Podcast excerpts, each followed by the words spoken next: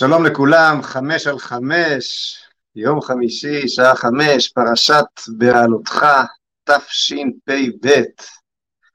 ועל מה נדבר היום? בגדול תכננתי לדבר על שלושה נושאים מרכזיים, אבל אתם יודעים, תמיד, תמיד תגענה השאלות שלכם ותיקח אותנו לכל, לכל מיני כיוונים, כיוונים נוספים, אני מקווה שכמה שיותר יעלו לשידור חי, בווידאו, מה שהופך את הדברים תמיד יותר לחיים ומעניינים. אני אשמח uh, שתירשמו כבר במספר טלפון שמפורסם פה לשידור, וגם, אחד,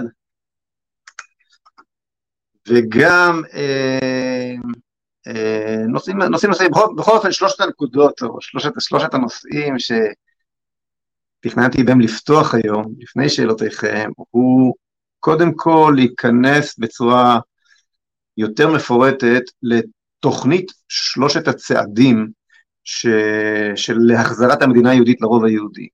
מדובר בעצם בתוכנית שלי שאני מנסה להפיץ אל תוככי מפלגת השלטון, אל הליכוד, כי תראו, אנחנו נחזור לשלטון, זה לגמרי ברור, אנחנו רואים את הממשלה מפרפרת את, בעזרת השם, את פרפוריה האחרונים, וה, והרוב היהודי והליכוד בראשו כמובן יחזרו לשלטון בעזרת השם במהרה בימינו אלה ממש, אבל אם לא אה, נשנה שום דבר מהותי, מלבד האנשים שיושבים על הכיסאות, אז כמובן שלא עשינו כלום, אולי עדיף נשאר באופוזיציה, זה ברור, ברור היום לכולם, ולכן אה, הכנתי את תוכנית שלושת הנקודות הללו, תוכנית שלושת הצעדים שעל הליכוד לעשות בשביל להחזיר את המדינה היהודית לרוב היהודי, כי זה באמת מה שקרה כאן, המדינה היהודית נלקחה מן הרוב היהודי וניתנה באמצעות מעשה ההונאה הפוליטי הגדול ביותר בהיסטוריה של מדינת ישראל,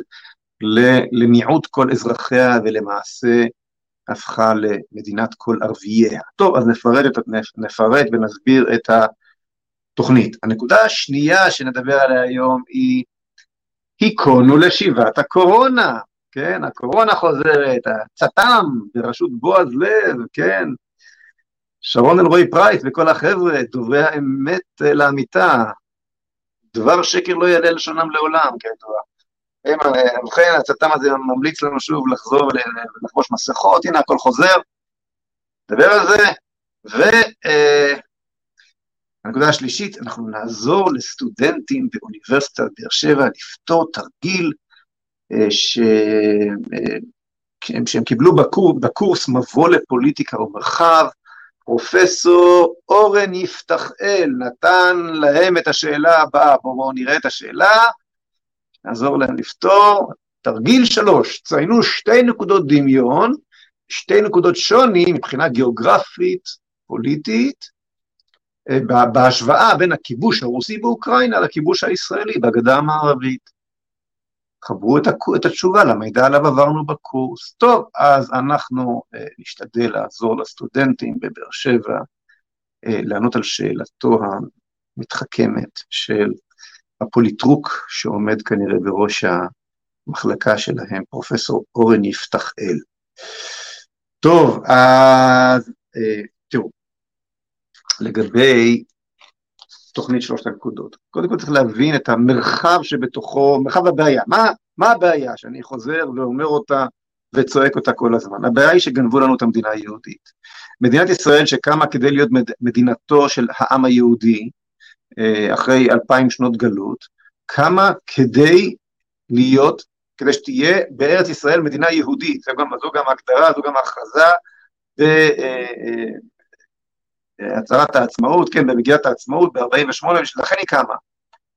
אבל כל מוקדי הכוח, לא הרוב, אבל מי שמחזיק במוקדי הכוח, סיפור ידוע, מכירים את זה, אה, אה, באקדמיה, בתקשורת, בפקידות הבכירה, אה, במערכת הביטחון, כל מוקדי הכוח שאינם נבחרים מנסים כל העת, ניסו תמיד וממשיכים לנסות כל העת, למסמס את זהותה היהודית של המדינה ולהפוך אותה למדינת כל אזרחיה. למעט מוקד כוח אחד. למעט מוקד כוח אחד שבו באופן אינהרנטי בא לידי ביטוי תמיד עובדת היותה של מדינת ישראל מדינה יהודית ולא מדינה, מדינת כל אזרחיה. איך, היכן מוקד הכוח הזה? מוקד הכוח הפוליטי. ולמה? משום שהרוב היהודי, שהוא הרוב הגדול של האזרחים בישראל, במרחב הפוליטי יכול אחת לארבע שנים או פחות, כן, ללכת ולבחור. ולכן הממשלה או השלטון הפוליטי, שהוא אולי החלק החלש ביותר מכל מוקדי הכוח, הוא לא הבג"ץ, הוא לא התקשורת, כולם חזקים יותר מהכנסת, כן? אה, השלטון הפוליטי שנבחר על ידי הציבור עדיין מצוי היה עד לפני שנה בידי הרוב היהודי. מה קרה לפני שנה? הרוב היהודי הזה פשוט נגנב. אז עכשיו, ובמהלך אותה שנה כמובן קורים דברים, מדינת ישראל הפכה להיות בעצם מדינת כל אזרחיה גם, במיש, גם במישור הפוליטי, ומהר מאוד אנחנו רואים שבכל תחום שבו אפשר למסמס את זהותה היהודית של המדינה, וגם כל מיני זהויות אחרות אגב, אה, ממהרת המדינה לעשות את זה, ממהר, ממהרת הממשלה לעשות זאת. אה, משרד הביטחון למשל, ב, ב, ב, והעומד בראשו אה, בני גנץ, העבירו את הטפסים הצה"ליים להורה אחד והורה שתיים. זה מסמוס כל הזהויות, כל המהויות, מסמוס הזהות המשפחתית, שיהיה בסיס לקיומו של עם בכלל, אז בוודאי שזה גם מסמוס הזהות היהודית. אה, ראיתי איזו הודעה על חודש הלהט"ביות באמ"ן, הודעה רשמית של צה"ל, כן? כלומר מסמוס כל הזהויות. אה, אה, הסכמי אוסלו חוזרים, חזרו לנו בדלת האחורית בשנה האחרונה, ועוד ועוד. בקיצור, צריך להחזיר לרוב היהודי את המדינה היהודית שלו. אבל אם אה, מפלגות הרוב היהודי הזה, זאת אומרת הליכוד ומפלגות הדתיות שסביבו, הגוש של הרוב היהודי, יחזור לשלטון, יתיישב על הכיסאות ולא יבצר את מדינת ישראל כמדינה יהודית, זה פשוט אה, ברכה לבטלה.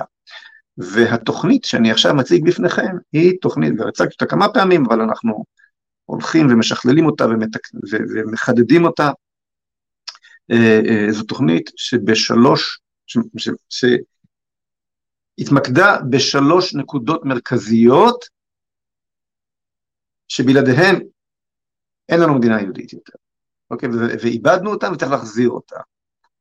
הנקודה הראשונית היא כמובן החזרת הריבונות מהבג"ץ לנבחרי העם. כן? כל עוד הריבונות במדינה הזאת לא תהיה של עם ישראל באמצעות נבחריו, כלומר באמצעות הכנסת, אלא באמצעות 14 שופטי בג"ץ, אלא תהיה בידי הבג"ץ שבחר את עצמו ולא רוצה כאן מדינה יהודית, ובוודאי מוקד הכוח המשמעותי ביותר של מדינת כל אזרחיה, כפי שהודה בעליל אהרן ברק, שאמר בשבילי מדינת ישראל היא מדינת כל אזרחיה, כן, המהפכה השיפוטית מ-95 והלאה. כל עוד הריבונות תישאר בידי, בידי הקבוצה הזו שבוחרת את עצמה ומשבטת את עצמה, אה, אה, הדברים לא ישתנו. אז זה דבר ראשון, בלי זה אין, אין טעם לחזור, אין טעם להמשיך, אין טעם לעבור לשתי הנקודות הבאות, אין טעם לעשות, לעשות שום דבר, אין טעם לחוקק חוקים, אין טעם ל, לומר שום דבר, בלי לטפל בראש הנחש, בראש הנחש של כל אזרחיה וערבייה, אה, שזה הבג"ץ, ולהשיב את הריבונות לעם, אין טעם להמשיך. הנקודה השנייה, אחרי שהחזרנו את הריבונות מהבג"ץ לנבחרי העם, היא להחזיר את המדינה מהערבים ליהודים, תכף אני אפרט מה זה אומר. אני גם אפרט איך מחזירים את ה... והנקודה הראשונה, איך מחזירים מהבג"ץ לעם. והנקודה השלישית, והיא חשובה לא פחות מהראשונה והשנייה, היא נשמעת אולי טכנית, לא... אבל היא חשובה לא פחות, מהותית לא פחות. הנקודה השלישית היא החזרת הארץ, קרקעותיה של הארץ, קרקעות, קרקע, קרקעותיה לבנייה, שנועדו לבנייה של הארץ, כלומר בעצם החזרת שוק הדיור, מקרטל מקרקעי ישראל לעם ישראל. 80 אחוז מהזוגות הצעירים בישראל היום לא מסוגלים לרכוש דירה. וגם אם היו מסוגלים, לא היו להם דירות. פשוט השוק הישראלי, תעשיית הדיור הישראלית לא, לא מספקת את הדרישה. ברוך השם, עם ישראל צומח, עם ישראל גדל, יותר מכל מדינה מערבית אחרת. בכל שנה, שימו לב, בכל שנה אנחנו זקוקים לרמת גן חדשה כדי לספק את הדרישה. זה לא קורה, זה לא יכול לקרות, אני, אני אסביר את זה בפרוטרוט. אם לא נחזיר את הקרקע, קרקע, ארץ ישראל שייכת לעם ישראל, קודם כל במובן האישי, היא שייכת לעם ישראל לפני שהיא שייכת למדינת ישראל. אם למעלה מ-90% מקרקעות המדינה לבנייה נמצאות בידי הקרטל הזה של המדינה, והקרטל הזה של המדינה באמצעות מנהל מקרקעי ישראל, או אולי נכון יותר לומר מנהל אה, מקרטלי ישראל, כן, הקרטל הזה של מנהל מקרקעי ישראל, אה, אה, שמספסר בקרקעות, מקפיץ את מחיריהן פי עשר רק בשנה האחרונה, שימו לב טוב, אם קבלן שרצה לבנות בית בין עשר דירות נאמר, לפני שנה, שילם למינהל סדר גודל של מאה אלף שקל רכיב הקרקע לכל דירה שהוא עומד לבנות, אוקיי? אז היום, שנה אחרי, הקבלן משלם למינהל עבור אותה קרקע מיליון שקל. פי עשר העלתה המדינה את מחיר הקרקע באמצעות הספסרות שלה רק בשנה האחרונה. הסיבה המרכזית לכך שהדיור בארץ אינו בר השגה הוא הקרטל של מדינת ישראל, והסיבה שהמדינה עושה את זה, מלבד צבירת הכוח, היא, ושוב, שימו לב לנתון הבא, קרוב לרבע, קצת פחות, מהכנסות המדינה. תבדקו את מה שאני אומר לכם עכשיו, סדר גודל של 20% מהכנסות המדינה באות משוק הדיור. כלומר, באות ממי? מהציבור החלש ביותר, מחוסרי הדיור. ולמה? כי לקחת מהחזקים זה קשה, לקחת מהמקורבים זה קשה, לקחת מהמסודרים זה קשה, לקחת מהארגונים זה קשה, מה, מההסתדרותניקים זה קשה, מהוועדים הגדולים זה קשה, ממקבלי הקצבאות, מה שמכונות פנסיות תקציביות, זה מאוד, ממי הכי קל? מבחור שעושה את צעדיו הראשונים ומוכן לעבוד תמורת משכורת הרב כדי להתחיל ולהביא, להקים משפחה, אז עליו גם תלביש 20% מהכנסות המדינה, למה לא? בשביל להעביר את ה-50 מיליארד שקל אחר כך למחמוד עבאס. טוב, אז בואו, בואו אה, אקרא לכם את, אה, את התוכנית הזו. אה, אני אקרא קטעים נבחרים, קטעים נבחרים ממנו, שבו, שמדובר שוב בתוכנית שבמסגרת הקמפיין שלי לריצה לכנסת, במסגרת הפריימריז המתקרבים, כי ברגע שיוכרזו בחירות, כמובן אי אפשר לדעת מתי זה יקרה, אבל זה נראה שזה מתקרב מאוד, וצריך להתארגן ולהתכונן, כולם מתארגנים בליכוד, כל המתמודדים בפריימריז הבאים כבר מתרוצצים בין הסניפים, ואווירת בחירות לכל דבר ועניין, אני כמעט כל ערב באירוע אחר, לפעמים, לפעמים אפילו שני אירועים באותו, באותו ערב, פוגש שוב ושוב את חברי המרכז, את חברי הכנסת, כולם פוגשים את כולם, כולם משכנעים את כולם, כולם מדברים את כולם. איך אומרים? הפנינג דמוקרטי שרק בליכוד יש, ואני מנסה במסגרת האווירה הזו שיוצרת קשב בקרב 140 אלף חברי הליכוד, שאני צריך לקבל אה, אה, עשרות אלפי קולות מהם לפחות כדי להיכנס לרשימה, כי אני רץ ברשימה הארצית, אני מנסה לדחוף את התוכנית הזאת. אז וכך כתבתי, כשאנחנו בשלטון אנחנו נותרים שבויים במציאות שיצר השמאל, כך היה עד היום, נכון? הליכוד היה בשלטון אבל לא שלטן. ואז אנחנו לא באמת מחליפים אותו, אנחנו הופכים להיות בצורה הזאת, כן, כשאנחנו בעצם ממשיכים את המדיניות שהשמאל הוריש לנו, כמו אוסלו וכדומה, אנחנו הופכים להיות בעצם חותמת הגומי שלו על כיסאות הממשלה, כדי שלא רק נשוב לשלטון, אלא גם נשלוט ונוריש לילדינו. מדינה יהודית בטוחה ומשגשגת, חייב הליכוד וחייבים חבריו להשתחרר משבי אוסלו ולאמץ את תוכנית שלושת הנקודות התוכנית שתחזיר לנו את המדינה היהודית. עיקרי התוכנית, אחד, מחזירים את הריבונות מהבג"ץ לכנסת. שתיים, מחזירים את הארץ מהערבים ליהודים, תכף נפרט. ושלוש, מחזירים, סליחה, מחזירים את המדינה מהערבים ליהודים ומחזירים את הארץ ואת שוק הדיור מקרטל, מקרטל מקרקעי ישראל לעם ישראל. עכשיו בואו נפרט. איך מחזירים את הריבונות מהבג"ץ לכנסת? הנקודה הראשונה החשובה ביותר היא שיטת מינוי השופטים. בוועדה למינוי השופטים יכהנו בנוסף לשר המשפטים רק חברי כנסת, שיבחרו על ידי כלל חברי הכנסת, בהצבעה חשאית. מועמדים למשרד שופט מחוזי או עליון יעברו שימוע פומבי בכנסת לפני הדיון במועמדותם, כמו שמקובל בארצות דמוקרטיות רבות. והנקודה האחרונה, נשיא בית המשפט העליון והמשנה לנשיא ייבחרו מבין שופטי העליון בבחירה חשאית על ידי מליאת הכנסת, לא סניוריטי ולא אה, אה, חבר מביא חבר כמו שאנחנו רגילים, לאחר שימוע פומבי, כמו באמריקה. שתיים, פסילת חוקים. שופט אינו רשאי לבטל חוק שחוקקה הכנסת. אם מצא שופט סתירה בין החוקים, יציין זאת בפסיקתו על מנת שהכנסת תוכל לתקן את הפגם. רוב מוחלט מכלל שופטי, שופטי בית המשפט העליון רשאי לדרוש הצבעה חוזרת על חוק, אבל חוק שאושר פעם נוספת לאחר שבג"ץ דרש זאת, לא ניתן יהיה להשהות פעם נוספת על ידי בג"ץ. והנקודה השלישית והאחרונה לעניין אה, אה, השבת אה, הריבונות מהבג"ץ לכנסת, הוא כל עניין היועץ המשפטי. רק הממשלה, לממשלה כמובן, רק הממשלה תמנה את היועץ המשפטי שלה, רק הממשלה. היום מי שבפועל ממנה את היועץ המשפטי זה החונטה של הבג"ץ והפרקליטות. מביאים מועמד אחד במקום רשימה של מועמדים לממשלה לבחור, כן. טוב, אז רק הממשלה תמנה. כהונת היועץ תסתיים עם תום כהונת הממשלה, צריך להבין, היועץ המשפטי הוא הפרקליט של הממשלה, של הממשלה, הוא לא המפקח עליה מטעם איזשהו גורם אחר, מטעם איזה ריבון מטעם עצמו, שנבחר על ידי עצמו. הוא היועץ המשפטי לממשלה, הוא ממונה, הוא נבחר על ידה, הוא מסיים את תפקידו כשהיא מסיימת את תפקידה. כלומר, הוא חייב את מקומו אך ורק לממשלה. תפקידי היועץ המשפטי, אה, היא תסתיים עם כהונת הממשלה, תפקידי היועץ המשפטי לממשלה וראש התביעה יפוצלו ולא יוחזקו ביותר בידי אותו אדם, כלומר יושבים שרים בממשלה ומפחדים לפתוח את פיהם כי הם יודעים שאותו יועץ שעכשיו כביכול מייעץ, ויהיה גם זה שיכריז על פתיחת חקירה נגדם. כן, אז לא. פרקליט המדינה זה דבר אחד, היועץ המשפטי לדבר הממשלה זה דבר שני, שתי, שני תפקידים נפרדים.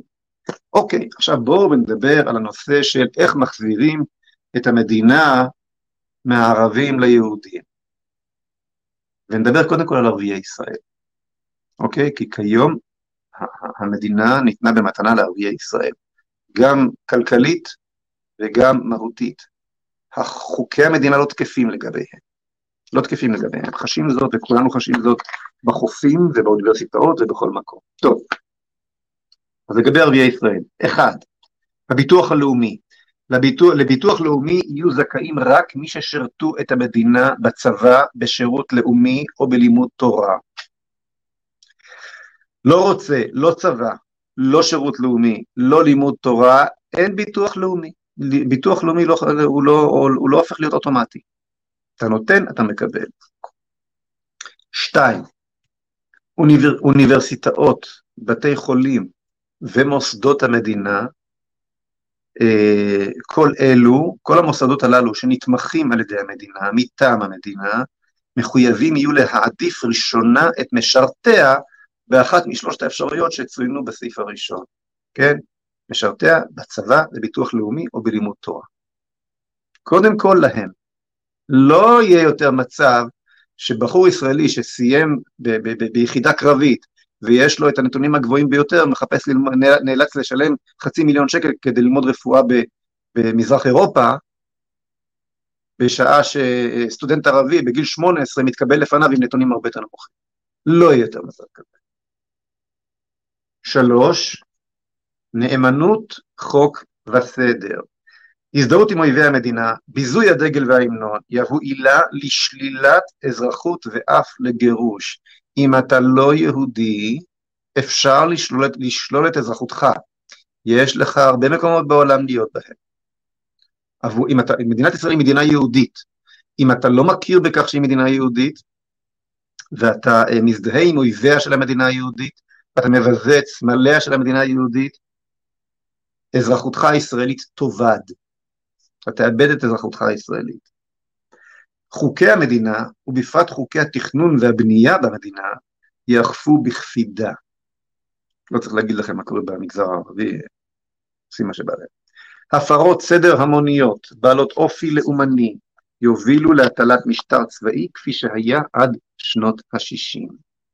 לא יהיה מצב שצה"ל אה, אה, מוחק את אה, ואדי ערה כציר תספוקת, אספקה אסטרטגי לכוחותיו או למשאיותיו שצריכות לנוע מצפון לדרום בשעת חירום. כי הוא כבר, כי הוא כבר מראש מבין שתהיה שם התקוממות בוואדי ערה, אז לא. מראש צריך להגדיר שהפרות סדר המוניות בעלות אופי לאומני מחזירות את המשטר הצבאי שהיה כאן במדינת ישראל עד שנות ה-60, מ-48 עד כמעט אמצע שנות ה-60. אוקיי? אם אתה מפר סדר, אם אתה זה, אז האזרחות הישראלית שלך היא לא מתנת, היא לא מתנת אל. אתה אה, אה, רשאי לכל זכויות האדם, במידה ואתה נאמן למדינה, אה, אה, לא מגיעות לך זכויות האזרח אם אינך נאמן למדינה. המדינה היא זו שנותנת לך אותם, המדינה היא זו שיכולה גם לקחת אותם. אז כל זה לגבי ערביי ישראל. מכאן אני עובר לנושא של ערביי יהודה ושומרון, שאלו אותם ערבים בדיוק, כל ההבדל הוא 19 שנה בין uh, כיבושי 48 לבין כיבושי או שחרורי, איך שתרצו לקרוא לזה, uh, 67. טוב, אז בנושא הזה של יהודה ושומרון אנחנו מדברים על ביטול הסכמי אוסלו, שכבר בוטלו כמה פעמים, כמה וכמה פעמים על ידי הצד השני, כן, אבל אנחנו מתעקשים להאחז בהם, משהו שמצופה היה מהימין שיעשה ברגע שעלה לשלטון כבר ב-96, אבל הוא מעולם לא עשה זאת, כי לא הייתה לו את האלטרנטיבה שאני עכשיו מקריא. אה, אז קודם כל ביטול הסכמי אוסלו. אז א', נקודה ראשונה, מודיעים על ביטול ההסכמים כפי שכבר הודיע בעבר רשות הטרור של אש"ף, מאפשרים לכל החמושים לסגת באופן מכובד כפי שעשינו בסיום מלחמת לבנון הראשונה, מי שזוכר, אה, כשאפשרנו לאש"ף, לחיילי, לוחמי אש"ף, אה, אה, לעלות על ספינה לתוניס, מחזירים את השליטה הביטחונית המלאה כפי שעשינו במבצע חומת מגן, ומחזירים את המשטר הצבאי שקדם להסכמי אוסלו, בשלב ראשון. כלומר, כל מה שאנחנו עושים פה בתוכנית הזאת, הוא דברים שכבר עשינו בעבר, והביאו לכך שמצבנו היה פי אלף יותר טוב מהיום, אוקיי?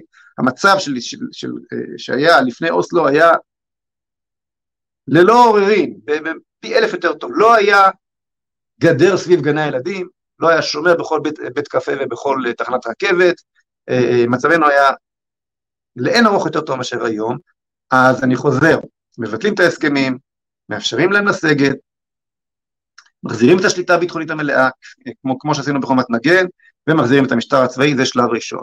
שלב שני, פתרון בעיית התושבים שאינם יהודים, זאת אומרת הערבים ביש"ע. האפשרויות שיוצעו לתושבים שאינם יהודים יהיו, או סל הגירה נדיב לרוב התושבים המעוניינים להגר, והם, רובם הגדול מעוניין, הראינו את זה אין ספור פעמים, או תושבות קבע המותנית בהצהרת אמונים גלויה למדינה היהודית, כמדינה יהודית, אז אתה יכול להיות תושב קבע, לא אזרח, תושב קבע, לא אזרח שמצביע, אלא להישאר במקומך עם כל זכויות האדם, אבל לא עם זכויות אזרח אה, אה, אה, כתושב קבע, או אפשרות שלישית, אני מראש אומר שזאת אפשרות נדירה, נדירה ביותר, מסלול לקבלת אזרחות ישראלית שתותנה בגם הצהרת אמונים, גם מבחן שפה, היסטוריה ותרבות, כמו שמקובל כשאתה בא לקבל אזרחות אמריקאית למשל, גם הוכחת נאמנות, כגון שירות ביטחוני או שירות לאומי, הוכחת, אתה צריך להוכיח שאתה נאמן. יש פה היסטוריה בין העמים, הייתה פה מלחמה במאה השנים האחרונות. זה לא כזה פשוט שפתאום בא לך, כן? אתה צריך להוכיח את הנאמנות שלך, וגם בחינה מדוקדקת ואישור של ועדה מיוחדת, זה לא, בכל מקרה לא אוטומטי. ואני, וכמובן שהמגמות הדמוגרפיות כבר היום הן לגמרי לטובתנו, שום דבר מכל שלושת הפתרונות האלו לא מאיים על הדמוגרפיה, בדיוק להפך, הוא ישפר אותה לטובתנו, גם לא הנקודה השלישית. אחרי, כל הדברים נעשים בדירוג, אחרי שהשלב, השלבים הראשון, ביטול ההסכמים ופתרון בעיית התושבים, אה, אה, בא על תיקונו, החלת ריבונות ישראלית מלאה בכל שטחי ארץ ישראל שבידינו, בכל, בכל תא שטח שבו בוצעו סעיפים 1 ו-2 תוכל ריבונות ישראלית מלאה, תחנות משטרה ושאר סממני ריבונות ישראל מלאה בכל עיר וכפר. אגב, בלב עזה היה בית משפט ישראלי, אני לא אשכח כיצד את אחד, אחת המכוניות הראשונות שקניתי, זה, זה פורד טרנזיט מיד שנייה מרופטת, בדקתי בדינמומטר, עזה, ושילמתי את ה... ושילמתי את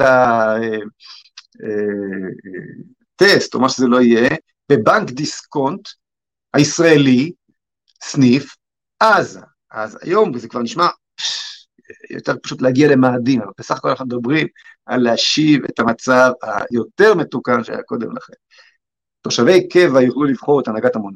את הנהגתם המוניציפלית, ותנועת תושבי הקבע מחוץ למרחב המוניציפלי שיוגדר עבורם תותנה באישור ביטחוני. זה לא ככה שברגע שקיבלת אישור להיות תושב קבע, אתה עכשיו רץ לתל אביב כמה שאתה רוצה, יש לך את האזורים שמותר לך להיות בהם, יש לך את האזורים שאסור לך להיות בהם, בהתאם לאישור אה, ביטחוני. אוקיי, עד כאן כל עניין מחזירים את המדינה מערבים ליהודים, גם בכל הנוגע למה שמכונה ערביי ישראל, וגם בכל נוגע לערביי יהודה ושומרון. ג' מחזירים את הארץ ואת שוק הדיור מקרטל מקרקעי ישראל לעם ישראל. צריך, צריך להבין. אה, אתם זוכרים את שר האוצר כחלון? כן, שר האוצר כחלון שהבטיח שיוריד את מחירי הדיור, וגם שרי האוצר שבאו אחריו, כולם היו בטוחים שיוריד את מחירי הדיור. מה, מה גרם לכך שכחלון היה בטוח שהוא יצליח? והוא אכן הצליח לקבל עשרה מנדטים ממפלגת אה, כולנו שלו, וקיבל מנתניהו גם את משרד האוצר וגם את הרשות, כל הוועדות ומוקדי הכוח אה, אה, שעשויים היו לתקוע אותו בדרך, קיבל את כל המפתחות ונכשל כישלון חרוץ שהוביל אותו אל מחוץ לפוליטיקה בסופו של דבר. אז מה, מה, הרי כחלון, שהוא היה ידיד שלי, הכרתי אותו טוב, אולי אפילו עדיין ידיד, לא יודע, מזמן לא דיברנו. בכל אופן, מה גרם לכחלון להאמין שהוא יצליח להוריד את מחירי הדיור? כי כחלון מתהדר בכך שזמן לא רב קודם לכן הוא הוריד את מחירי הסלולר. זה לא מדויק, כשהוא התחיל את הסיפור הזה, התחיל את זה ההוא מש"ס, ברוך השם, גם כן היה שר תקשורת. בדרך כלל הראל שולח לי ככה תזכורות כשאני שוכח שאני אחכה לראות אם הוא שלח. בכל אופן, אה, אין המלאכה נקראת אלא על שם גומרה, ומי שגמר את מהפכת הסלולר בישראל לכן היה שר התקשורת שהגיע אחר כך, כחלון. מה, מה, מה, עשה, מה עשתה מהפכת הסלולר? מהפכת הסלולר באמצעות צעדים רגולטוריים, זאת אומרת חיוב של המנגנון הממשלתי, אה, אה, פתחה את שוק הסלולר. בעצם מה שהיה, זה היה קרטל בין שלוש, אולי ארבע חברות סלולר, אה, עם שולי רווח אדירים, וכחלון באמצעות חוקים גרם להם לאפשר לנייד מספרים, לאפשר כל מיני דברים שיצרו בעצם, הכריחו אותם להתחיל להתחרות אחד בשני, והוא אה, אה, פתח את קרטל התקשורת לתחרות ופתאום המחירים ירדו בצורה דרמטית. עכשיו כחלון שעושה את אותו הדבר בשוק הדיור, הוא באמצעים רגולטוריים, יפרק את הקרטל של אה, אה, חברות הבנייה, כן? מה כחלון סירב לראות, היו סיבות מדוע הוא סירב לראות, שהקרטל בשוק הבנייה לא נמצא אצל החברות. אין של שלושה או ארבעה חברות בנייה בישראל ששומרות יחדיו במין קריצה שכזו על מתח רווחים של אלפי אחוזים, כמו שהיה בשוק הסלולר. יש בין 5,000 ל-6,000 חברות בנייה בישראל, למעלה מ-80 אחוז מהן הן בכלל חברות בנייה, קטנות ורעועות, הן בונות את רוב הדירות בישראל, החברות הקטנות דווקא, אוקיי? תחרות אדירה ביניהן. אני ממש לא חושב שהקבלנים הם צדיקים. אם הם היו יכולים לה, להרוויח אלפי האחוזים, הם היו עושים את זה. הרצון להרוויח של חברה מסחרית וכמה שיותר הוא מצב נתון, אוקיי? הם לא אנשים רעים, הם לא אנשים טובים, הם שוק, כוחות השוק. והחברות הללו שבונות, מביאות את המחירים, כן, את, את, את, את, הרווחים אחרי ההוצאות שלהן, למשהו שהוא פחות או יותר בדרך כלל סביר. איפה נמצא אם כן הקרטל בשוק הבנייה? בשונה מן הסלולר, הוא לא נמצא אצל היצרנים, הוא נמצא במדינה. כאן נמצא הקרטל, ועם זה כמובן כחלון ולא כחלון ולא אף שר אוצר שבאחריו, בטח לא ליברמן, לא מתחיל בכלל להתמודד. היכן הקרטל, איך, איך, איך נראה הקרטל של המדינה? הקרטל של המדינה הוא, כפי שהסברתי כבר בפתיח, בשליטה בלמעלה מ-90% מהקרקעות. רכיב הקרקע הוא הרכיב העיקרי בעל, בעלויות, בעלויות הדירה. אה, אה, זה דבר ראשון. דבר שני, ברגולציה מטורפת בתהליכי אישור הבנייה, כלומר קבלן, אחרי שהוא משקיע עשרות מיליוני שקלים ברכישת הקרקע, יכול לשבת עליה מהמינהל, יכול לשבת על הקרקע הזאת עד שמקבל אישור בנייה 10-15 שנה. בקלות, זה קורה. אה, אה, ואז כמובן אה, עלויות הריבית ועלויות ההתנהלות הבירוקרטית של הקבלן עצמו, עורכי דין, ארכיטקטים, מהנדסים, מה לא, כל זה משכורות שהוא משלם חמש, עשר שנים, לאן הן מגולגלות בסוף? כמובן, אל רוכשי הדירות. אז זאת נקודה שנייה. והנקודה השלישית היא, קשה להאמין, אבל כולם זועקים על כך שמחירי הדיור הם מטורפים, והנה, התחום, כמעט התחום היחיד, הייתי אומר, יש עוד תחום שזה הרכב, אבל התחום הכמעט יחיד, בין הבודדים, שיש בו מיסים ספציפיים לתחום הזה, הוא הדיור. אתה, אתה לוקח מיסים מכל אה, דבר, מה, מהעיפרון הזה, כשאני קונה אותו אני משלם מע"מ, תיקח מע"מ גם כשאתה קונה דירה, בסדר, אבל למה כשאתה קונה דירה אתה גם צריך לשלם מס שבח, ומס, ומס שבח מקרקעין, והיטל השבחה, ואין ספור מיסים ייעודיים, כאילו המדינה אומרת, אני בכוח רוצה פה לגבות עוד כסף, דווקא בנקודה הזאת. אז אלו שלושת הנקודות. אוקיי, בואו נראה מה, מה, מה אנחנו כותבים. מחזירים את הארץ ושוק הדיור מקרטל מקרקעי ישראל לעם ישראל, אני חוזר למסמך. אחד, מעבירים בהגרלה את הבעלות על כל הקרקעות לבנייה לזוגות צעירים ששירתו את המדינה ואין בבעלותם דירה. כל מי שהתחתן בארץ הזאת, ואפילו פחות צעיר, התחתן ואין לו דירה, יהודי כמובן, אוקיי? לערבים יש, הם לקחו, הם מעל החוק, הם מחזיקים ברוב קרקעות המדינה בפועל. מה זה הנגב, מה זה הגליל, מה זה, כן, מה זה המשולש, זה, זה רוב המדינה, כן, אז, ושלא לדבר על כך שהבדואים מקבלים גם ככה קרקעות. אז אנחנו מדברים עכשיו על היהודים, שיהיה ברור, כן? מעבירים ליהודים בהגרלה את כל משבצות הקרקע לבנייה, מעבירים את ארץ ישראל ממדינת ישראל לעם ישראל. וכאשר קבלן רוצה לבנות במקום מסוים, הוא מברר למי שייך את הקרקע כאן, או כי הוא קנה אותה, או כי הוא הגריל אותה. לימדתם אותנו בשנים האחרונות שאתם יודעים לתת, לייצר הגרלות, כל השיטה של כחלון הייתה מבוססת על הגרלות, נכון? אז שחררו את הארץ לאזרחיה היהודיים, לכל מי ששירת אותה והקים משפחה, אוקיי? ותנו לה, אה, להם את הקרקע, ואז מה שיקרה הוא שהשוק יאמר את דברו, מה ערך הקרקע האמיתי. וכמובן מחירי הקרקע ירדו פלאים, כי אם הוא לא יוכל, אם אחד ירצה יותר מדי, אז יקנה ממי שלידו שזקוק יותר לכסף, המחיר ירד, וכמו בכל שוק, יתאזן על מחירו האמיתי. אז דבר ראשון, מחזירים לעם ישראל את הקרקע. צצות כאן תמיד כל מיני שאלות, מה, אבל ימכרו לערבים, ימכרו לזה, חבר'ה, אנחנו רואים כמה המדינה מצליחה לשמור על קרקעות הלאום, כן? תסתכלו מה שקורה בנגב, בגליל, כן, במשולש, בכל מקום, אז אל תסתכלו, כשאדם פרטי יש לו קרקע, הוא שומר עליה, היא לא נלקחת ממנו, הכל בסדר, הכל בסדר.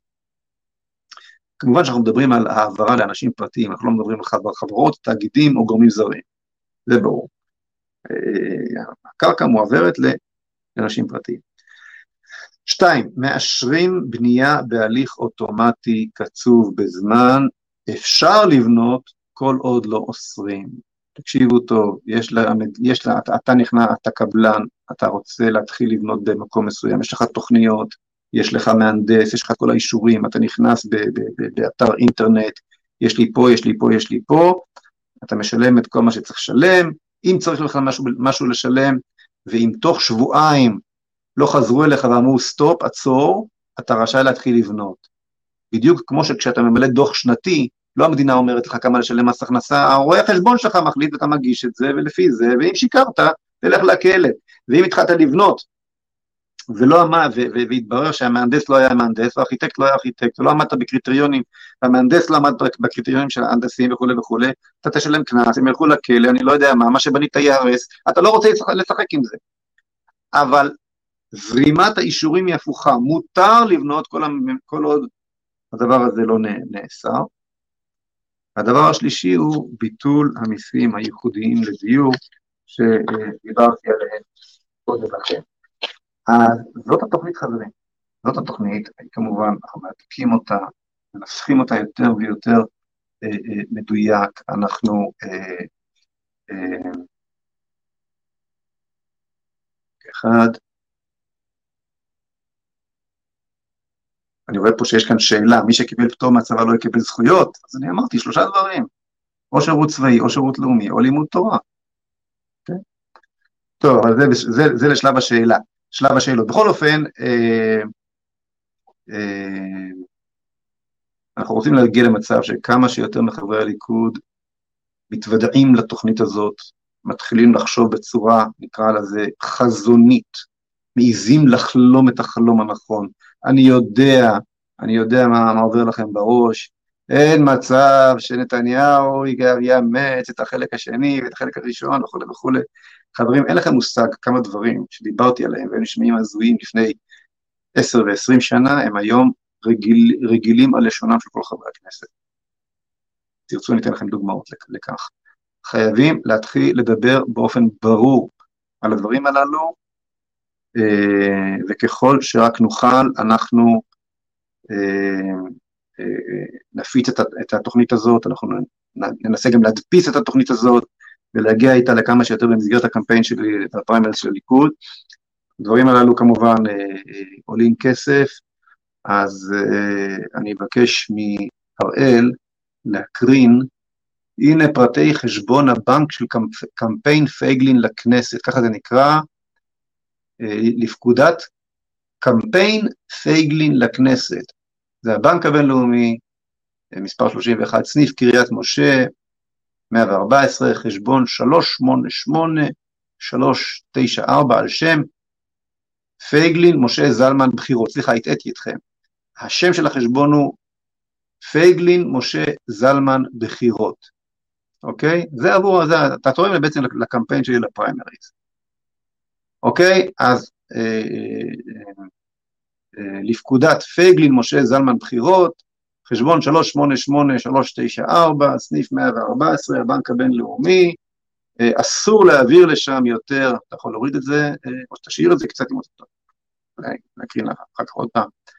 אסור, לפי חוקי הבחירות אסור להעביר לשם יותר מ-11,000 שקל, נא לא להעביר יותר מ-11,000 שקל, ואחרי שמעבירים כסף,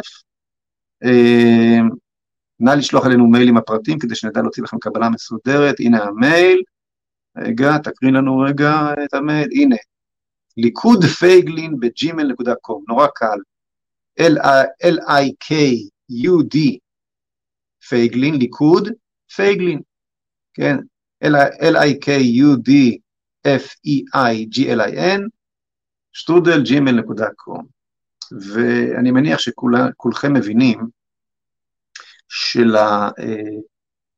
הקמפיין הזה, קמפיין מן הסוג הזה יש ערך אדיר, כי אני יכול לומר לכם שבכל פעם שאני מתחיל לדבר בצורה ברורה מה צריך לעשות ואיך, אה, בסופו של דבר זה מחלחל. זה מחלחל, לא, לא, כל, לא כל הנקודות כאן אה, יתקבלו פה אחד ברגע הראשון והליכוד יגיד יאללה אני לוקח את זה וכולי וכולי, אבל זה מחלחל. זה שאני מדבר על כך שמדינת ישראל היא מדינה יהודית נקודה, שהמשטר של הדמוקרטי מחלחל, אני מתחיל לשמוע את זה גם מחברי כנסת אחרים, וזה חשוב, זה חשוב בצורה בלתי רגילה. טוב, אז עד כאן ל, אה, אה, הזה. וטוב, נעבור, אני רואה שאנחנו דיברנו על זה המון זמן, אז אנחנו נדלג על העניין של הקורונה ונעבור לשאלת הפרופסור. פרופסור יפתח אל, בואו נקרין שוב את השאלה שלו. אז פרופסור יפתח אל מהמחלקה לפוליטיקה או משהו כזה באוניברסיטת באר שבע, שאל את הסטודנטים המסכנים שלו, באמת מסכנים, רחמנות, תרגיל שלוש, ציינו שתי נקודות דמיון, שתי נקודות שוני מבחינה גיאוגרפית פוליטית, בהשוואה בין הכיבוש הרוסי באוקראינה לכיבוש הישראלי באוקראינה ובגדה המערבית. אוקיי, בסדר. אז אני רוצה לשאול את uh, פרופסור יפתח אל שאלה גם כן. גם לי יש שאלה אליך, uh, פרופסור יפתח אל הנכבד. מי הוא uh, בדיוק העם שנכבש במה שאתה מכנה הגדה המערבית? דרך אגב, תל אביב, גם היא נמצאת בגדה המערבית, נכון? בגדה המערבית של הירדן, מה שאתה מכנה הגדה המערבית, זה, זה כל ארץ ישראל המערבית, היא נמצאת בגד, בגדה המערבית. אבל כשאתה אומר, הכיבוש הישראלי בגדה המערבית, שאלה אליך, כן? לא, לא נורא פשוטה. מי העם, כן? מי הוא הלאום? איזה דגל, כן? איזה המנון, איזה מטבע, איזה, כל, כל סממני הלאומיות שלא, שלא תבחר. מי הוא בדיוק הלאום הזה? שנכבש על ידינו בגדה המערבית.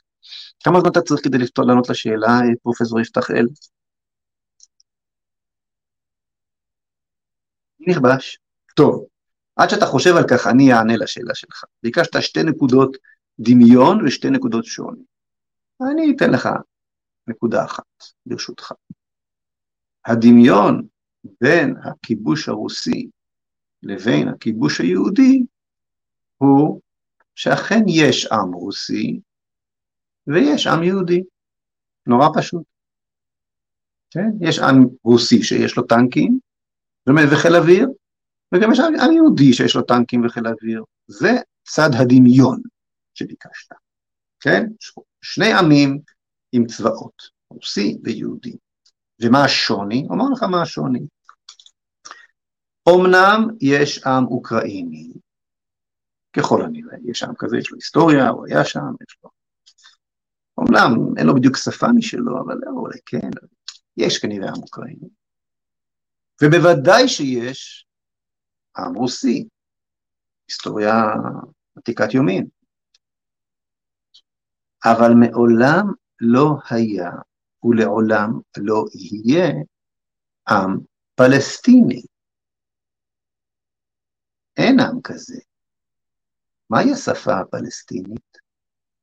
אתה מכיר היסטוריה פלסטינית? ארכיאולוגיה פלסטינית? מעולם לא היה עם פלסטיני. ומעולם לא היה כיבוש של העם הזה. עכשיו בוא אומר לך פרופסור יפחת, בוא נרענן את זיכרונך, משוכנע ש, שאתה זוכר שבהחלטת, אה, בהצהרת בלפור ובהחלטת חבר העמים, מסרו אומות העולם את הריבונות בארץ ישראל לבית יהודי לאומי שיקום משני עברי הירדן. אחר כך, המנדט הבריטי שקיבלה אנגליה מאומות העולם באותה ועידת סן רמו, כן, על מנת להקים את אותו בית יהודי משני עברי הירדן, הבריטים הללו במנדט שלהם אה, בגד בתפקידו ומסר את חלקו, את הגדה המזרחית, את עבר הירדן, לפייסל, כן, לשבטים הבדואים שם במזרח, אה, אה, במזרחה של ארץ ישראל. אותה ממלכה, ממלכת ירדן, בפיקוד, עם צבא בפיקוד, עם צבא בפיקוד אנגלי ב-1948, פלשה וכבשה את מה שאתה מכנה הגדה המערבית של עבר הירדן. עוד פעם, שני הצדדים הובטחו ליהודים על ידי חבר העמים כבר בשנות ה-20 של המאה הקודמת. אני כמובן לא זקוק להבטחה הזאת, לא להצהרת בלפור ולא לסן רמו, ולא לרצונם הטוב של אומות העולם, כי כל הארץ כולה, מהנילוס ועד הפרת, שייך ליהודים, כי הובטחו לנו על ידי בורא עולם וקונהו, זה לגמרי ברור. אבל אני מדבר איתך, פרופסור יפתחאל, בשפתך. אתה הרי אה, אדם אה, מודרני מתקדם, אתה לא מאמין בהבטחות אלוהיות, כן? אז אני מדבר איתך בשפתך, שהיא השפה הכי פרימיטיבית שיכולה להיות, אגב, אבל זה, זה סגור סוגריים. בכל אופן, בשפתך, שני, שני הצדדים של ארץ ישראל הובטחו על ידי החלטת האומות המאוחדות דאז, חבר העמים דאז, לעם ישראל לבדו. בריטניה קיבלה על עצמה לממש את ההבטחה הזאת וקיבלה את המנדט על ארץ ישראל. היא בגדה בתפקידה, ואת חלקה המזרחי של הארץ מסרה למה שמכונה כיום ממלכת ירדן. אותה ממלכת ירדן החליטה ב-48 לפלוש, לא הספיק לצד המזרחי, החליטה לפלוש גם לצד המערבי.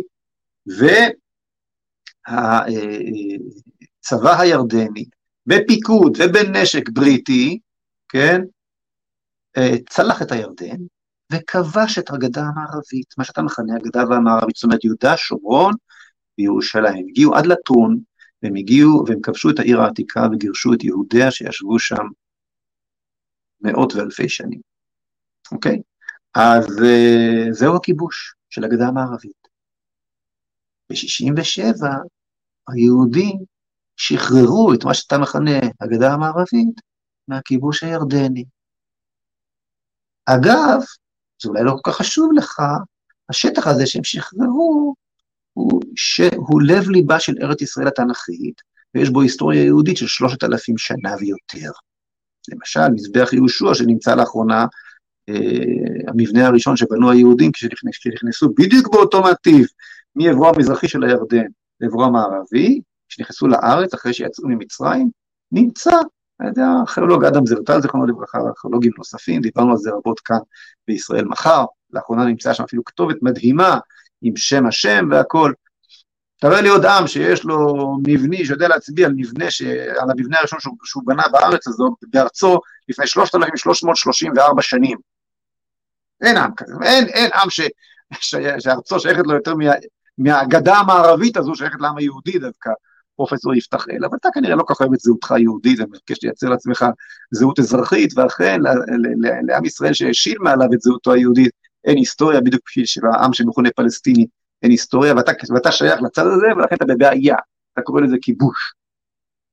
מכל מקום, מעולם לא היה עם פלסטיני, ולעולם לא יהיה עם פלסטיני, מכיוון שלא היה עם פלסטיני שכזה לכבוש, אין שם נכבשים, יש רק את היהודים ששבו לארצם ושחררו אותה, והכיבוש האחרון שלהם ביהודה ושומרון שחרר את השטח, מה שאתה מכנה גדה המערבית, מכיבוש בן 19 שנה של המדינה הירדנית, שהוקמה גם היא על שטחים של ארץ ישראל המזרחית, שהובטחו גם הם ליהודים על ידי חבר העמים. אז שיעור קצר בהיסטוריה לפרופסור יפתחאל ולכם הסטודנטים היקרים מבאר שבע, אני אה, ממליץ אה, לנסות ולכתוב את תשובתי ונראה מה פרופסור יפתחאל, אה, איזה ציון הוא ייתן לכם. אני לא מקנא בכם, ואני לא מתפלא על כך שהערבים, הסטודנטים הערבים באוניברסיטה שלכם מרימים ראש ומניפים את דגל ארגון הרצח של אש"ף ברגל גסה וביד גאווה וכולי, שאתם סובלים מכל הסיפור הזה, כי אם כך נראים המרצים שלכם, אז בוודאי שאין שום סיבה שלא כך יתנהגו הסטודנטים הערבים אצלכם. טוב, בואו אה, נעבור למאזין הראשון, עומר כשר, רוצה לשאול בהמשך לוויכוח באחת מפינות מחשבים מסלול. קדימה, עומר, בוא נראה, בוא, בוא נדבר.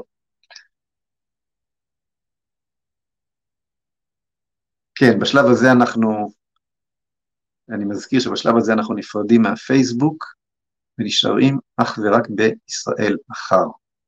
וגם מהטוויטר, אנחנו נפרדים כרגע, אנחנו עד עכשיו שידרנו גם בפייסבוק וגם בטוויטר, את השיחות איתכם ואת הדיאלוג איתכם, ולטעמי החלק הכי מעניין בכל החמש של חמש, אנחנו משאירים את הבונבון הזה, אנחנו משאירים לישראל מחר בלבד. כן, אז מה קורה? מצליחים להעלות את עומר כשר, או שנעבור לקרוא כמה שאלות בכתב? מה אתה אומר, הראל? שלום. שלום עומר, מה שלומך? טוב, מה שלומך, משה? ברוך השם. אמ, כן, למה רציתי לעלות? אני רואה את אה, אורבך מזיע, ואני חייב לומר שזה משפר לי את האופטימיות, כן. משפר את האופטימיות, אה? תראה, אגב, אני... אה, המציאות בזמן האחרון היא לא פשוטה בכלל. משתדל להישאר אופטימי, אבל תשמע, גם היו כמה פינות מחשבים מסלול, אה, שממש זה מכניס לדיכאון, מה שהולך שם עם המשטרה ועם ה... בכלל, גם... אני לא יודע אם ראית את זה, איתמר בן גביר גם פרסם, שעצרו שם בלוד איזשהו... ראית את זה? הדברים הם מחרידים, אתה כל פעם, אתה, אתה שואל, מסתבר שכל פעם שאתה חושב שהגענו כבר לתחתית החבית, מסתבר שעוד יש תחתיות עמוקות יותר, תחתיה של התחתית שאליה הגענו. אבל כמו שאני תמיד אומר, אני, אני מציג את המציאות הקשה, אבל לא ממקום פסימי. אני מאוד אופטימי, כי אני מאמין גדול בעם ישראל, אני מאמין גדול בך. אני, אני רואה את, ה, את ה... יום ירושלים למשל. תראה מה, מה, מה הלחץ הזה והגועל נפש הזה שלוקחים לנו את המדינה היהודית עשה, פתאום ירושלים הוצפה, כמו שלא ראיתי דבר כזה מעולם, מאז שחרור העיר ב-67' לא ראיתי דבר כזה. שכל עם ישראל נוהר בהמוניו, לא ראיתי את זה, זה מדהים. מעולם לא, לא, לא, לא קרה שלא הצלחתי להיכנס להר הבית, כי התור היה ארוך מדי. תמיד התחננתי שיגיעו, פתאום אין לי מקום. אה, אז אה, כן, לא אלמן ישראל. מישהו, מישהו, אמר לי, מישהו אמר לי שהוא זוקף את זה לזכותו של אה, ראש הממשלה. זה נכון. זה נכון. כן, אבל נו, מתכוון... על כך נאמר במקורותינו גדולה הסרת טבעת, כן, מה גרם ל... כן, אתה הקשבת לפינה. כן, בטח. חז"ל אומרים שגדולה הסרת טבעת, כשאחשוורוש הוריד את טבעתו ומסרה להמן, זה גרם לעם ישראל לחזור מיד בתשובה יותר מכל 47 אה, הנביאים ושבע נביאות שנתנבאו להם לישראל, שכל דברי המוסר שמדברים ומסבירים לא עזר, אבל ברגע שהחרב מגיע לצוואר, פתאום כולם מבינים ש... שצריכים לחזור לעצמנו, ואז, ואז עם ישראל באמת חוזר לעצמו, אז אז בא בן, נכון? הוא לא הסיר את הטבעת, הוא הסיר את הריבונות מהיהודים על ארצם ומסרם לערבים, וכן. אבל שלא ישתמע מפה שבזכותו שהוא מקרב את עם ישראל לירושלים, אז עם ישראל לא, רוצה... לא, כן, כן, כן, ברור, זה, אפיזודה שתיזכר לדיראון, אם בכלל. אני רציתי לדבר איתך על עניין הקשר בין ה... דיברת על, על בפינת מחשבים מסלול ההיא של במקומנו או לצידנו, על שני הדגלים, ודיברת על עניין yeah. הזהות, ועל... כן, אז אה, כתבתי לך שם משהו על הקשר שבין ה... של כל העניין הזה של הזהות ל, ל, ל, ליחס של המדינה וגם של האזרחים לנשיאת נשק על ידי אזרחים. אז מצאתי, חשבתי שם על עוד איזשהו משהו מעבר למה שאני זוכר שדיברת, הרי אתה אמרת שבלי זהות אין חירות, ומכיוון שאין חירות, אז גם החירות, החירות של הזכות להגנה עצמית היא לא נתונה לאדם. נכון. אני חושב שיש פה עוד משהו שאני חווה אותו באופן אישי, אני התחלתי, אני, יש, יש לי, אני זכאי לנשק בגלל שירותי הצבאי, אז יכולתי להוציא בקלות יחסית אה, רישיון לנשק, ו... מההתחממות האחרונה, בחודשים האחרונים התחלתי להסתובב איתו עליי, גם למקום העבודה שלי, גם לכל מקום, בשביל, לא מוציא, אתה יודע, נורמטיבי, אבל כן, להגנה עצמית בהחלט. מוסתר מתחת לבגד, אבל... לא רק כן. עצמית, לא רק עצמית, אני התחלתי לשאת את הנשק שתמיד היה לי מאז קורס קצינים, כבר לפני כמה שנים, הרבה שנים, מי סופר? אה, לפני 40 שנה, כן, 40 שנה. אתה יכול לנחש בין כמה אני, כן? אתה, אז, אבל לא הסתובבתי עם הנשק, אף פעם לא אהבתי להסתובב עליי שום דבר, אני לא אדם שאוהב לסחוב איתו עליו דברים, ואפילו מפתחות של האוטו בכיס מרגיזות אותי. אבל uh, הגעתי יום אחד לאיזו פגישה במלון, נו, המלון הזה המפורסם בירושלים, המלך דוד. פתאום שמעתי בום מאחוריי, כף של טרקטור, בום, נדפקת באספלט, ונהג דורס החל לגרוף את כל ההולכים, ממש עבר לידי, ניצלתי בעצמי. ולא היה לי מה לעשות, בסוף מי שעצר אותו היה אזרח אחר, איזה מתנחל אחר עם נשק אה, שתפר אותו. אבל עד שעצר אותו האחר, הוא הספיק להרוג כמה, שאני ניסיתי להגיש עזרה אחר כך. ובשל החוויה הזאת התחלתי לשאת נשק, לא כדי לשמור על עצמי, כמובן גם רוצה לשמור על עצמי, אבל כדי לשמור על אחרים, זאת אומרת, כשאתה לוקח, שם עליך נשק, זה לא, זה לא רק uh, הגנה עצמית, זה גם הגנת, הגנת הסובבים אותך. אז אני חושב שיש כאן עוד משהו, ואני אגיד לך, החוויה שאני, מה שאני מקבל מהסביבה, שהרבה אנשים בסביבתי, גר בהרצליה, עובד בהייטק, הם אנשים טובים, אבל הם פחות, אה, פחות אה, עוקבים אחרי... לא בעניין, לא בעניין. כן, כן, הם במקום, במקום אחר. כן. אה, עד שלא מגיע הדבר הזה אליהם, כן. גם אחרי ש... עזוב, בכל אופן, אוקיי. מה שאני אומר, יש כאן משהו מעבר, ואני אסביר לך למה אני מתכוון. יש קשר ישיר בין ההתכחשות לזהות לבין זה שאנשים אומרים, מסתכלים עליי בעין עקומה, אומרים לי, איזה חבר אמר לי, תשמע, אני לא הייתי נותן לך נשק, כן? עכשיו, מה העניין? העניין הוא כזה, לראייתי, אותו ישראלי מעדיף לראות את, ה, את הסכסוך הזה לא כסכסוך בין יהודים וערבים, כי אז הוא צד לעניין, לא, אלא כבין קיצוניים משני הצדדים. יהודים וערבים מסרבים להיות אויבים וכולי וכולי. עכשיו, כשאתה כן. שם את אסמאעיל הנייה מצד אחד, ולהבדיל, את איתמר בן גביר מצד שני, ואומר שהסכסוך הוא סכסוך ביניהם, אולי עם כמה מתנחלים באמצע, אבל אני פה מאחורה. אני ישראלי, אני פה בצד, אני לא קשור, אוקיי? ואז בא עומר כשר, והולך עם נשק. עכשיו, אני הולך עם נשק לא נגד אה, חייזרים, אוקיי? ברור לגמרי שאני הולך עם נשק כדי שלא יבוא ערבי וינסה להרוג אותי. מה אני אומר כן. בעצם? אני אומר... תפסת צד. אני לא, אני לא בצד, אני... אתה, בוא, אומר לך, אתה אומר שיש לך זהות. בדיוק, בדיוק. זה מה שאתה אומר. ולכן אני באמצע, ולא, ולא, אני לא בצד. עכשיו, עכשיו, מה זה מפריע להם? מה זה מפריע להם? כי לי אין כיפה על הראש, אני לא מתנחל, אני גר בהרצליה, אני עובד בהייטק, אני עובד איתם באותה עבודה, אני גר איתם באותה עיר, למדתי באותה אוניברסיטה שהם למדו בה, אני כמוהם. ולכן אם אני הולך עם נשק, ואני כמוהם, באופן מובהק לא קיצוני, לפחות לא נראה, אז גם הם יהודים. אתה מבין? אתה מרגיז אותם יותר מחזות של אה, מתנחל או דתי, כי הוא, ברור, הוא תפס צד, הוא כן. לא מתיימר להיות מהאו"ם. כן. אני רציתי להיות מהאו"ם, להיפטר מכל הזהות היהודית הזאת, מכל זהות בכלל, לחשוב שאני אזרח העולם הגדול הגלובלי, שהחירות שלי והחופש שלי באים מהשלט הזהות ולא מאימוץ הזהות, ופתאום בא איזה אחד שנראה בדיוק כמוני, שם עליי נשק, ומודה בזה שיש לי זהות ולכן אני בסכנה. אז כן, אני, הם רוצים להרוג אותי כי אני יהודי, נכון. הוא, הוא רוצה להישאר בעולם המדומיין שלו, כאילו הסכסוך הוא לא שייך אליו. במקרה הוא פה, הוא, אולי, אולי הערבים שהורגים אותו מדי פעם, הם מתבלבלים בגלל הקיצונים, זה כמו, אתה יודע, היהודים אה, היקים, אני אגיד דבר קשה עכשיו, היהודים היקים אה, האשימו את היהודי המזרח, את האוסט יהודן, mm-hmm. באנטישמיות הגרמנית. אם כולם היו נראים כמונו, לא הייתה שואה. Mm, ו- והיו מהם שהמשיכו לעשות את זה גם אחרי השואה, זה לא יאומן. זה אותה פסיכוזה. זו אותה פסיכוזה בדיוק.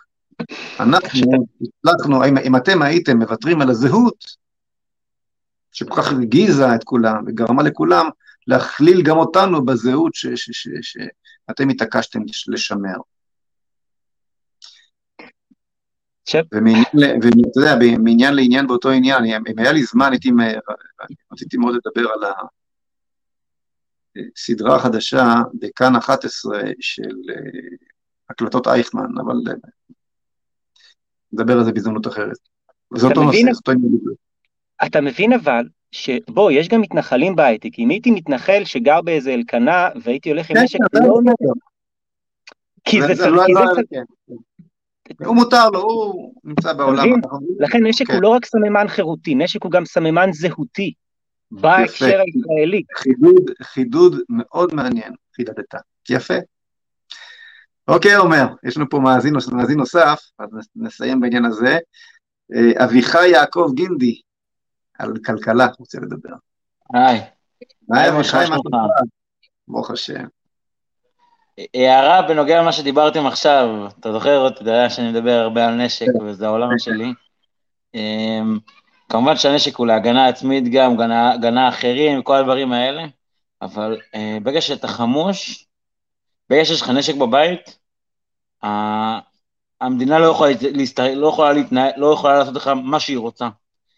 אם תראה תמונות מאירופה ומאוסטרליה, ומכל הקורונה, נכון, נכון, נכון, נכון. הם פרצו לבתים, ואם היית יותר מאחד יותר מבני משפחה שלא אמור להיות שם כביכול בחג, אז היית נזרק מכל המדרגות, נעקף וניקח למשטרה, והיו זורקים אותך לאיזה מחנה, אבל בארצות הברית השוטרים חושבים פעמיים לפני שנכנסים, הם מפחדים להיכנס כי הם מבינים מה יכול מאחורי הדלת. אה, אם לא היה את מה שנקרא Second Amendment בארצות הברית, הם היו נראים, נראים היום כמו אוסטרליה. בול, בדיוק. הם ניסו להגיע לשם הפוליטיקאים, אבל הם לא יכלו פשוט. נכון, נכון. התודעת החירות שם, ששלובה בעניין של הנשק, אגב, רק שנבין, הסיבה לכך שמשהו כמו 20 איש נטבחו בטקסס, כן, לפני שבוע בערך. מה? השוטרים כן. ישבו בחוץ ולא עשו כלום. כי למורים, כי לא היה להם נשק. כי נכון. קבעו שבית הספר הוא free zone או משהו כזה. כלומר, לאיש הרע היה נשק, והוא תמיד ימצא את הדרך להשיג נשק, כמו שקורה בארץ, הערבים מוצפים בנשק. האנשים הטובים ששומרים חוק, אין להם. ואז חכה לשוטר. זמן קצר אחר כך, רק שנייה, זמן קצר אחר כך, אחרי הטבח הזה, היה עוד ניסיון לטבח, ושם אישה חיסלה עם נשק, חיסלה את ה... בווסט וירג'יניה, בווסט וירג'יניה, נכון מאוד. כן. דרך אגב, אבל זה לא, זה לא, על זה לא דיבר הנשיא, וזה לא היה בשום מקום אה, בתקשורת. חד משמעית. דרך אגב, באותו אירוע היה, היה, היה הורים שהביאו נשק וניסו להיכנס, כדי לנסות להציל את הילדים שלהם. המשטרה לא רק שלא נכנסה כדי לעזור, היא גם מנעה מהם להיכנס, והורים שניסו להיכנס בכוח, נעצרו, נאזקו ותויזרו, איך אומרים? ו- וזה זוועה לחשוב על זה. בכל מקרה, לנושא שבגללו עליתי, משה. אה, חשבתי שזה הנושא. אה, אוקיי, כן. אני מתנצל שזה, אני מקווה שיש לי כן. זמן קצור, שיש לי זמן כדי כן, לדבר. אני רוצה להספיק גם כמה שאלות בכתב, כן. אוקיי, אוקיי, אז בקצרה, אני רק אומר שבתקופה האחרונה שאני, שעברתי לגור עם הבת זוג שלי והתחלתי, אתה יודע, לחיות חיים מעבר של רווק שאוכל חביתה בבוקר וחביתה בערב והולך לישון, אלא חיים אמיתיים. אוקיי. להתחיל להתגבש פה סוג של משפחה, אה, אפילו כלב הבאתי. בכל מקרה, אה, אני יודע שגם לך יש כלב, דרך אגב, זה אוקיי, הכלב שלי באדי. הוא בדיוק דופק פה שנת, okay. אוקיי. צהריים. בכל. אוקיי. מקרה, אז אני מתחיל אפילו יותר, תמיד הייתי ער לגבי המצב הכלכלי, לגבי העלויות של הדברים, אבל אני מתחיל לשים לב עכשיו לדברים הקטנים. זוכר שלחתי לך בוואטסאפ את החשבון דלק שלי? יש לי דלקן על כן. הרכבים שנוצאים אצלי בבית, על הרכב שלי, של אשתי, יוצא לנו אלפי שקלים בחודש, רק הדלק. ואז תכניס אה, אוכל שעלה ב... אני כאילו, אני שם לב לזה, לדברים הקטנים, אפילו נגיד לבקבוק שמן קנולה. שפעם היה עולה ארבעה שקלים שהייתי חייל, לדוגמה, וזה לא לפני ארבע שנים, ארבע שנים עברו מאז השחרור שלי, והיום עולה עשרה שקלים. ואתה, ואתה, ואתה מדריג, אתה מתחיל להרגיש חנק, חנק אמיתי, ושל פחד, של איך אני סוגר את הכל, איך אני חי עוד יום, איך אני זה, איך אני דואג, וזה חנק שהוא מטורף. ומצד שני, אח שלי שגר בג'ורג'יה בארצות הברית, והוא גר שם שנה בלחץ, והוא התחיל לעבוד, והוא חי ברווחה מטורפת, לעומתי שאני איש מקצוע שעובד שנים בתחום, ו- ועבדתי קשה, מהרגע שהתחלתי בצבא, לא היה יום אחד שלא עבדתי, ואני עדיין מרגיש שיש עליך אני... וזה כל דבר, וזה רכב, וזה, וזה בית, וזה כל... שכר דירה מטורף, אני משלם פה הרבה יותר ממה ששילמתי פעם, אני מגיע למצבים של, של טירוף, כאילו, חושב במחשבה, איך אני עובר עוד יום, איך אני עובר עוד תקופה, מה יהיה עוד שנה, אני אצליח בכלל לחסוך, ואז אני חושב על בית, אני רוצה להתחתן. איך אני מתחתן, איך אני מביא בית לאשתי, איך אני עושה משהו, במדינה הזאת, איך אני זז. עכשיו, כשאני השתחררתי מהצבא, התוכנית שלי הייתה כיוון אחד, כרטיס טיסה לארצות הברית, כיוון אחד לא לחזור. כי הרגשתי זוועה, גם מצבו לא תמך בי, לא משנה. אבל, ואני חייב לך את הקרדיט הזה שמפלגת זהות אז הצילה אותי מה, מהמעבר הזה. באמת שהיה לי, תיכנס לכיוון אחד, וברגע האחרון התוכניות שלי השתנו, והתחלתי, אמרתי, אני אתן צ'אנס, ואני אעשה, עשיתי מילואים וזה, ונשארתי.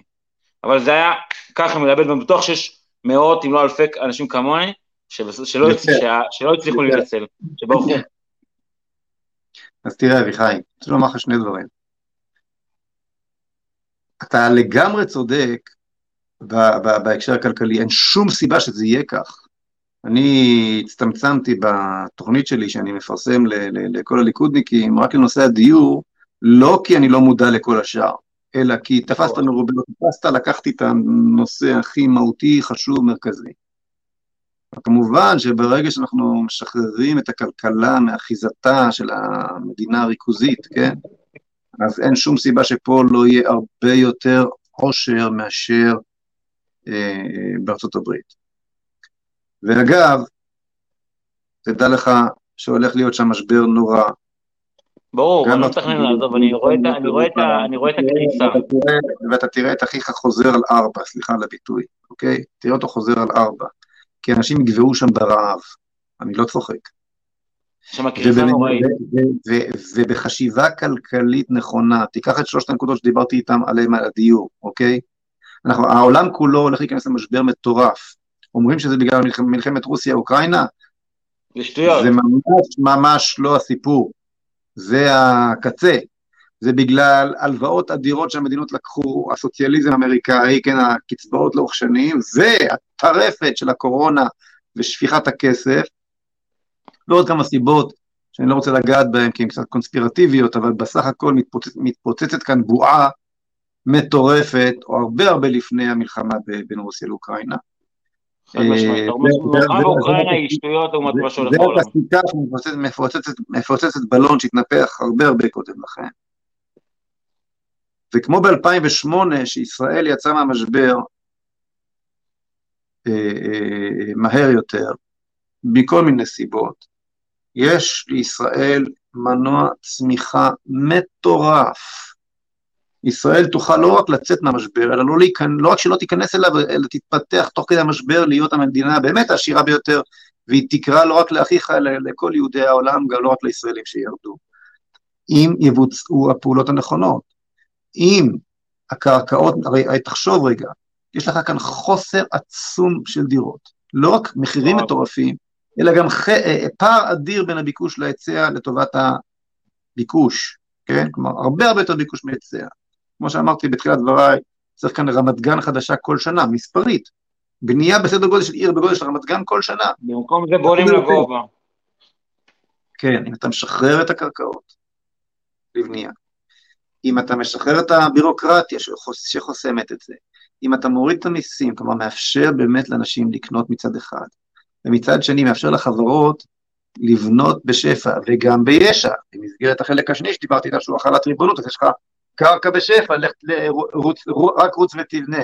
ותקשיב טוב, אתה מאפשר לחייל בשנה השלישית לסיים את השירות שלו עם כל ההטבות והזכויות של שירות צבאי מלא, באחת מחברות הבנייה. זאת אומרת, יש לך גם עבודה בשפע, אין אבטלה. יש ביקוש, יש היצע, והנקודה הנוספת שעליה לא דיברתי, יש בישראל הר ענק של כסף שרק מחכה, אין לו במה להשקיע היום, הוא רץ להשקעות בחו"ל, מה זה הכסף הזה? כל הפנסיות שאנחנו... רץ להשקיע בבגדים בארצות הברית. כן, כל, כל הכסף שכל אזרח ישראלי חייב להשקיע אה, היום בחברות, בחברות המוסדיות, חברות הביטוח וכדומה, כמצטבר, מצטברות הפנסיות הללו, אלה, מה הם עושים עם הכסף הזה? מחפשים אפיקים להשקעה, אין איפה להשקיע, תאר לך שפתאום שוק הבנייה מתפוצץ בצורה שכולם צריכים לקרוא את הכסף כדי להתחיל לבנות, אין דבר, אין השקעה יותר בטוחה ומשגשגת ומבטיחה מהשקעה, מבנייה, כי אנשים צריכים לגור בסופו של דבר, אם אתה לא תשלם, מישהו אחר יקנה, כן? אתה מחבר את כל הגורמים הללו כמנוע צמיחה, בדיוק בשלב הזה, שבו העולם כולו נופל אל תוך אה, אה, משבר שאולי, שהולך להיות הכי גרוע בהיסטוריה המודרנית אולי, אוקיי? יותר משנות ה-20. אה, אה, ואתה הופך את ארץ ישראל ומדינת ישראל למקום שפה, שבו הכלכלה תפעל בדיוק הפוך מאשר בכל העולם. אוקיי, זה, זה, זה, זה, ואז אחיך יחזור לכאן, והיהודים בכל העולם יחזרו לכאן, כי אי אפשר יהיה לאכול שם, לא יהיה אוכל שם, אוקיי? אז, אז אה, אני, אני מאוד אופטימי, אבל הנקודה השנייה שאני רוצה לומר לך, עוד לפני שהחזון הכלכלי הזה יורם מהקרקע ויבוצע ולא תהיה ברירה, נהיה חייבים לבצע אותו. הלוואי שהייתי שר אוצר וכבר הייתי מבצע אותו, מתחיל לבצע אותו, ושם אני שואף. בכל אופן, דבר אחד אתה צריך לזכור, כשאתה קיבלת את ההחלטה להישאר כאן, אתה הבטחת שגם הילד שלך, שיהיה לך בעזרת השם במהרה בימינו אמן, אחרי שתתחתן במהרה בימינו אמן, כמה שיותר מהר, כן? אתה הבטחת שגם הוא יהיה יהודי, ואילו הבן של אחיך לא יהיה יהודי. הוא לא יהיה יהודי. כבר מסתובב בחורות לא יהודיות. כן, הקהילה שמתבוללת בארצות הברית הכי מהר, אפילו יותר מהר מהקהילה הרפורמית, זה קהילת הישראלים היהודים. ובן אדם שאין לו זהות, ומאבד את הזהות שלו, שום דבר, או כלום, אין לו חירות, אין לו כלום. אז אה, עם כל הלחץ שאתה חווה כרגע, שווה כדי להישאר מי שאתה, כדי שתישאר לך זהות. יאללה, ראית, אני ברשותך אסיים פה את השיחה ונענה לכמה שאלות. אוקיי, ערן שואל, משה שלום, נתניהו לא השתנה ולא ישתנה, ימשיך, ימשיך את פעילותו של בנט כשם שבנט ימשיך את פעילותו של נתניהו, אומר ערן. כיצד בכוונתך ליצור את המהפכה כשרק אתה וגדי יברקן בתמונה? האם תוכל להמליץ על מועמדים שלדעתך יחזקו אותך בליכוד? אז אני רוצה לומר לך, ערן, שאני רואה יותר, ורשימת הליכוד היא, היא, היא, היא, היא בעיניי רשימה יפה מאוד. היא בין חברי. הכנסת המכהנים, יש המון, לא אחד, באמת מעולים, באמת מצוינים. אה, פה ושם צריך אה, כוונונים, פה ושם צריך להראות את הכיוון הנכון, להזכיר כמה דברים ששכחו, אבל בסך הכל יש אנשים טובים מאוד. אה, אהלן, משה. אה, עידן. ביקשתי חמש דקות, אם אפשר, ראיתי כבר, אתה רוצה לקפל, אבל אמרתי, יש לי דברים בול למה שדיברת, אבל קודם כל, אני נשאר מרתק. אבל כי לא נעים לי, אנשים שלחו שאלות, אני רוצה לענות להם. כן, מה קורה? בסדר גמור, קודם כל היה עכשיו, הרבע שעה האחרונה, מרתקת, מרתקת, ואני שוב משבח אותך שהתחלת את הדבר שאתה מעלה את האנשים, את עמך ישראל, זה לא נופל מהפודקאסטים של אנשים עם דוקטורטים וידע, זה, זה פשוט, זה, זה כיף, אני משבח מאוד. תראה, אני לא רוצה, אני לא רוצה להישמע לא יהיר חלילה ולא מתנשא חלילה, אבל אחד הדברים שלמדתי בשנתיים האחרונות, זה לא לקחת אנשים עם דוקטורטים ופרופסורה וידע יותר מדי ברצינות, אלא כל אחד... אה, אוקיי. בדיוק, כל כן, אחד הוא כוכב, לגמרי. אז קודם כל אני חייב להגיד שמשבוע לשבוע אתה מזיז אותי בהחלטה שאני הייתי כל כך, לא רציתי שתחזור לליכוד ותחזיר איזה גוף עצמאי, ואתה פשוט משכנע אותי, איך שאתה מדבר, החזוני, להחזיר את החזון לעם ישראל, כי זה מה שבאמת חסר לנו. חסר לנו וחסר לציונות, ואמרת את זה באופן מקסים מציונות של קיום לציונות של ייעוד, שלדעתי זה משפט שמסביר את כל הסיפור.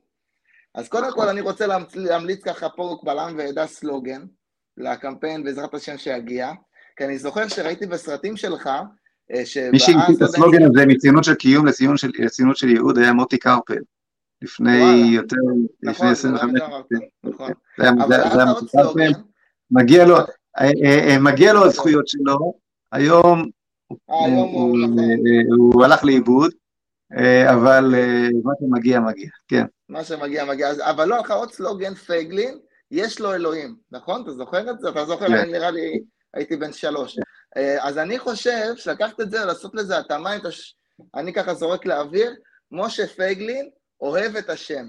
עם איזו תמונה עם חיוך, עם האופטימיות שלך והחזון שלך, ויש פה את המילה אהבה, ויש פה את הקדוש ברוך הוא, זה אנחנו פה בסופו של דבר לשם שמיים. צריך, תחשוב על זה, אל תחליט עכשיו. האימייל הזה שפרסמתי, כן? כן. הוא האימייל של המטה שלנו, פתחנו מטה מדהים, שי וליאור מתקתקים שם את העסק, חבל על הזמן, נכנסים לעבודה, כל אחד בקבוצה שלו וכולי. תיכנס לליקוד אה, אה, פייגלין הזה באימייל, gmail.com, ותיצור קשר עם ליאור. סגור. ותציע לה ישירות את הסלוגן, את הזה, מה שאתה יאללה, רוצה. יאללה, אני פה נכבוש את תל אביב, אני פה... זה... יש לעבודה, שאלה תנ"כית. יש המון עבודה, ואני אומר לך, ואני אומר לכל מי שמאזין, יש המון המון המון עבודה. בואו, בואו, נחזיר. את זהות אה, פי אלף ממה שהיה אז ב-2019. המטרה היא שהמצע של זהות, בסופו של דבר, יהיה קווי המדיניות של הליכוד. מה זה כל התוכנית ש... כל התוכנית ש... התוכנית שדיברתי עליה עכשיו, זה העתק הדבק מהמצע של זהות, נכון? אין פה... שזה זה תכלית אחרת. הרב קוק, זה תכלית הרב אברהם יצחק הכהן קוק, לבוא לכל עם ישראל, לחבק אותו, להחזיר אותו לקדוש ברוך הוא. לא משנה מאיזה מקום הוא נמצא. אבל יש לי שאלה תנ"כית, משה, שהייתי, מאז שאני מעמיק בתחום, תמיד הייתי... קדימה, שוב. מה שוט. אתה מעדיף, תנ"כית, את תקופת השופטים או את תקופת המלוכה? ואני רגע, אני אוסיף עוד משהו שהוא גם מתחבר אקטואלית. אמ, לגבי השאלה גם שהפרופסור שלח, וכל העניינים של חוק הדגל, צריך להכיר בזה, וגם אתה עשית סלוגן לא כזה מוצלח, אני חייב להגיד, יש כיבוש, וצריך לסיים אותו. אנחנו מתנהגים כעם שכובש בארצו. אבל נכון. למה זה? למה זה? זה בגלל שהציונות, במובן ה... כרגע, היא מצדיקה את עצמה, נותנת לעצמה את הלגיטימציה סביב הריבונות, זה שהיא מעבירה חוקים, היכולת שלה לאכוף. וזה למה? כי לדעתי, אם כבר הם היו צריכים לבחור הציונות, זה תקופת המלוכה. אבל אני חושב שכאנשי חירות, אין כמו תקופת שופטים. כל השבט באוטונומיה שלו, בנחלה שלו, אפרופו הקרקעות גם, חייב לגזור את הקטעים שלך על הנדל"ן, יש שם כמה פצצות עכשיו בלייב הזה, שירתיחו את הדם ויעירו את עם ישראל. אז מעניין אותי מה התשובה שלך, ואני לסיום אגיד, לצערי, אתה מדבר על מדינה יהודית, אף פעם, לצערי, אף פעם לא הייתה כאן מדינה יהודית ב-70 שנה האחרונות, 74. הייתה פה מדינה ליהודים, ובעזרת השם, שתשים את החזון שלך על הליכוד, ונכבוש את ליב, ליבותיהם, נבנה פה מדינה יהודית חירותית. תודה על הזמן ותודה להראל שהשחיל אותי. אה, מה, אני אשמח לשמוע את התשובה שלך. אני, ה- המלכים, המלוכה לא ביטלה את השבטים. אוקיי. זה לא או-או. גם בתקופת השופטים היו, אה, אה, היו, היו שלבים קשים מאוד, אוקיי, של אובדן זהות, וגם בתקופת המלכים כמובן, בעיקר, בעיקר אצל, אה, אצל מלכי ישראל, אבל תקופת המלכים הייתה כבר התקדמות, הייתה התגבשות לעם. בעוד שבתקופת השבטים, העם היה לשבטיו, אוקיי? בתקופת, אוקיי. בתקופת השופטים מדי פעם קם שופט שהצליח לאחד כמה, כמה, כמה שבטים ל, ל, לעמוד על נפשם, אבל, אבל המלוכה היא אה, התקדמות לקראת אה, המציאות היעודה, כן? אוקיי. ולכן אני, אם אתה שואל אותי, אני מעדיף את תקופת המלוכה. היא לא באמת? ביטלה, המלוכה כן, המלוכה, אתה מבלבל, אתה מכיר את אמנון שפירא מאוניברסיטת בר אילן? הוא כתב ספר כן. שלם, אני אנרכיזם. מכיר את ארנון וראיתי את אה, ספרו ואני חולק עליו. כן, נשמח שנמשיך אני- לחלוק על זה ביחד. בסדר גמור, ה- אתה מבלבל בין, בין מלוכה למדינה. מדינה מחליפה את הקהילה, מחליפה את הזהות הקהילתית, מנסה להשתלט להשתלט על כל הזהויות. אוקיי. אה, המלכויות אה, ש- שעליהן דיב- דיברת לא, לא עשו את זה, ואנחנו עושים, כשאנחנו מדברים על מדינה יהודית, אנחנו מדברים על מדינה יהודית שבאמת אה, משאירה, משאירה וגם מבצרת את הזהות הקהילתית, ובעזרת השם ביום מן הימים גם השבטי. אמן, אמן. אני לסיום אני אגיד, אני, במס- במסגרת איחוד, איחוד, איחוד העם כולו, אבל בואו נעזוב את כן. זה עכשיו. זה כבר- אני אגיד לך רק לסיום, ובאמת אני אתן לך להמשיך. כן. אני מאמין במלכות שמיים, ואני אזכיר כאן את השופט הקדוש אה, גדעון. זה- זה- הסיפור של ישראל. הוא תפר את המדיינים, כל העם הריע לו, אמר בוא קח תהיה מלך, אתה ובני בניך, אמר, השם הוא המלך, אני פה שליח, אני צינור, אני בשר ודם, 120 הולך לעולמי. הקדוש ברוך הוא, הוא המלך שלנו, משה. ובעזרת השם הוא- אני אנסה להגיע החודש להר הבית, אני חלום חיסל- איתך. אחר כך הוא חיסל את כל מתנגדיו. ניפגש בהר הבית ביום, אה, חמי- ביום חמישי, אם אני לא טועה, וואלה, וזה יוצא השנה, כלומר החודש, אה, יומיים קודם, במקום י"ט וי"ז, נדמה לי יום חמישי. וואלה. כי אוקיי, י"ט יוצא שבת, וביום שישי גם כן לא נותנים ליהודים לעלות, אז ביום חמישי שקודם לו, זה יוצא י"ז, נדמה לי ה-26 לחודש, במניינם, בעזרת השם. אני אביא את החברותא התל אביבית לא שלי, לשכוח. אוהדת גדולה גדולה. שלך, משה. לא לשכוח, לא לטבול ולא לבוא עם נעלי עור. אלו סגור. אלו הכללים ההלכ- ההלכתיים. כתבתי על עצמי. יאללה, להתראות. תהיה בריא, אחלה סוף שבוע, לא שבת אתה, שלום. תודה שלום.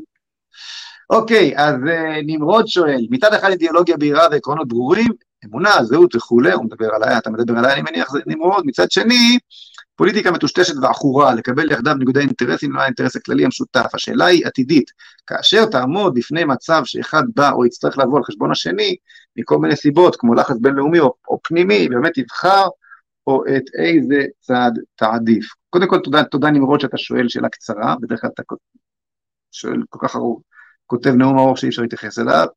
תראה, השאלה שלך היא שאלה שנשאלת כל הזמן לגבי בכלל היכולת לחבר קודש וחול, פוליטיקה ואידיאולוגיה וכן הלאה.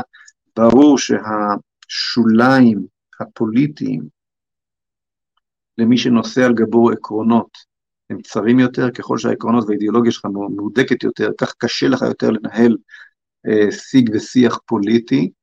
אה, מנגד, ברור שאם אתה מוותר על העקרונות, אין טעם בכלל שתלך לפוליטיקה, כי אתה מסובב סביב עצמך, ואתה כמו אה, קליפת אגוז בין גלים סוערים, אה, בלי מנוע ובלי כיוון, כן? לאן שהגלים ייקחו אותך, לשם תלך, כמו שהיה הימין הישראלי עד היום, כן, מול הגלים שיצר השמאל באוסלו וקודם לכן וכן אז צריך את שניהם. ההתקדמות האיטית שלי בפוליטיקה, אה, שני צעדים קדימה, צעד לאחור וכו', נובעת אה, מכך שאני נוסע על גבי מטען כבד של בשורה ואידיאולוגיה, ולכן יותר קשה לי. אבל זה לא בלתי אפשרי, זה מוכרח, מוכרח להיות אפשרי, אחוז מזה וגם בזה על תנ"ך ידיך. ברור לי שחייב להיות מרחב כזה של אה, אה, אה, התנהלות פוליטית.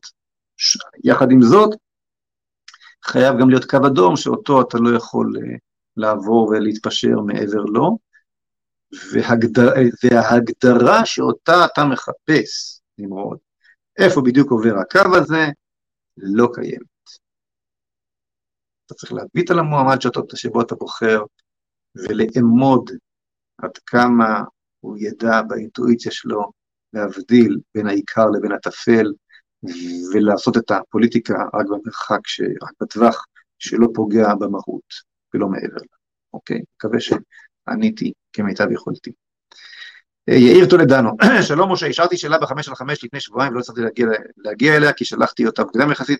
שאלתי הייתה, מה דעתך על מלחמתו של המושל דה סנטיס בדיסני ובפרוגרסיביים וכן על טיוטת החלטת בית המשפט העליון שהודלפה בהקשר להפלות? אני חושב שכן עניתי, יאיר.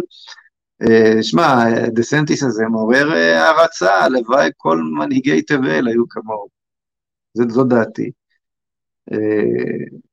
לגבי בית, בית, בית המשפט העליון בארצות, בארצות הברית, אני שמח שיש גם כוחות מנוגדים ל progress שם. יוסי, שלום משה, בפודקאסט עם ניר שביב שאלתי את עצמי איך כאדם מאמין, שמאמין שהעולם קיים רק 5,782 שנה, אפשר להסתמך על, דברים שהוא טוען.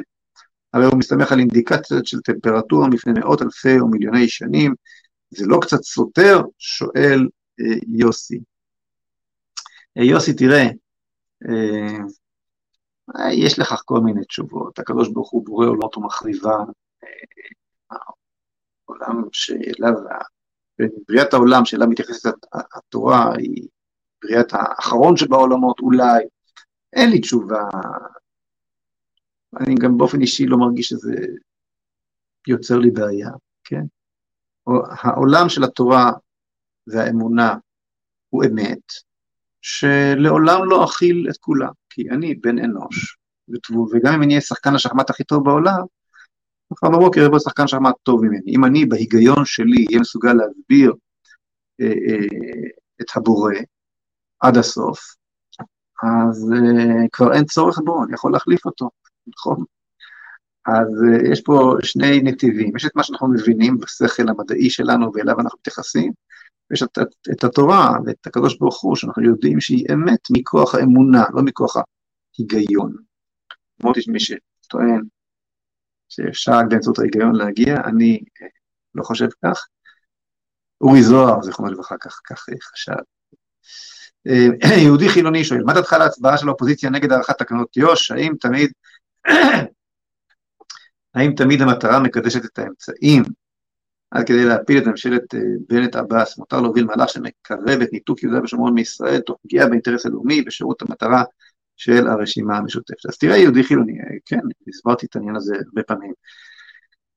אה, חד משמעית, הסכנה האסטרטגית של ממשלת בנט ומדינת כל ערבייה שהקימה פה עיסוק גדולה, אין, אין, אין, פי כמה באופן אקספוננציאלי, כן, יותר מהסכנה של חוסר הנוחות בהחלת התקנות הללו, זה בערך כמו שאתה יודע שנהג מתאבד תפס את ההגה ומתקדם במהירות על איזשהו צוק, ובמקביל יש תקלה, ב, אני יודע מה, במזגן באוטובוס, אז אתה...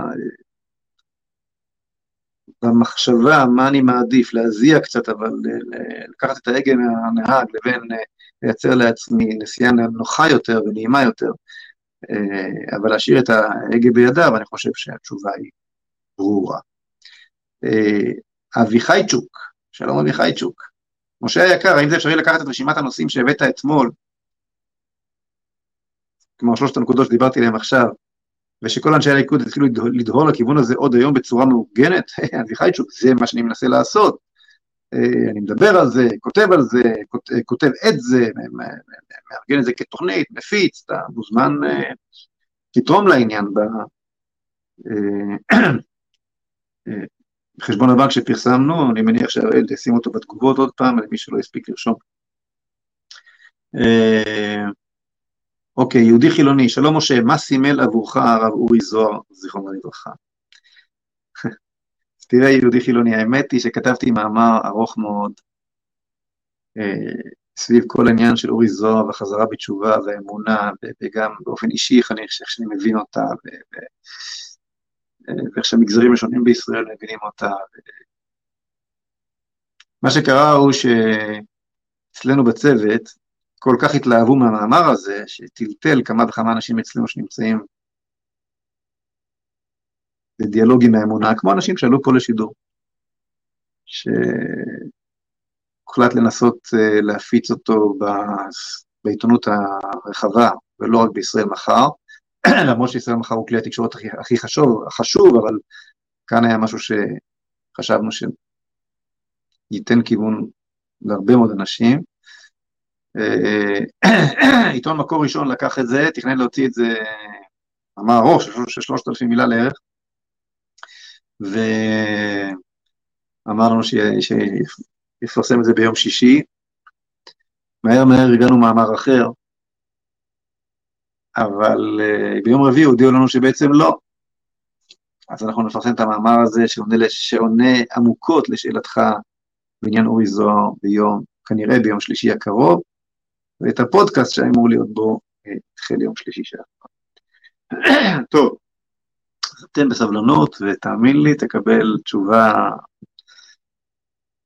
עמוקה ורחבה לשאלת אורי זוהר בפרט, אבל החזרה בתשובה בפרט והזהות שלנו. אה, יש כאן, אוקיי, אני אוותר על, אה, על השאלה אה, האחרונה, היא קצת ארוכה מדי, ואנחנו באמת כבר מעריכים הרבה, נאמר, נתייחס ברשותכם לפרשת השבוע. טוב, פרשת השבוע, פרשת השבוע, בואו נקרא את הפסוק.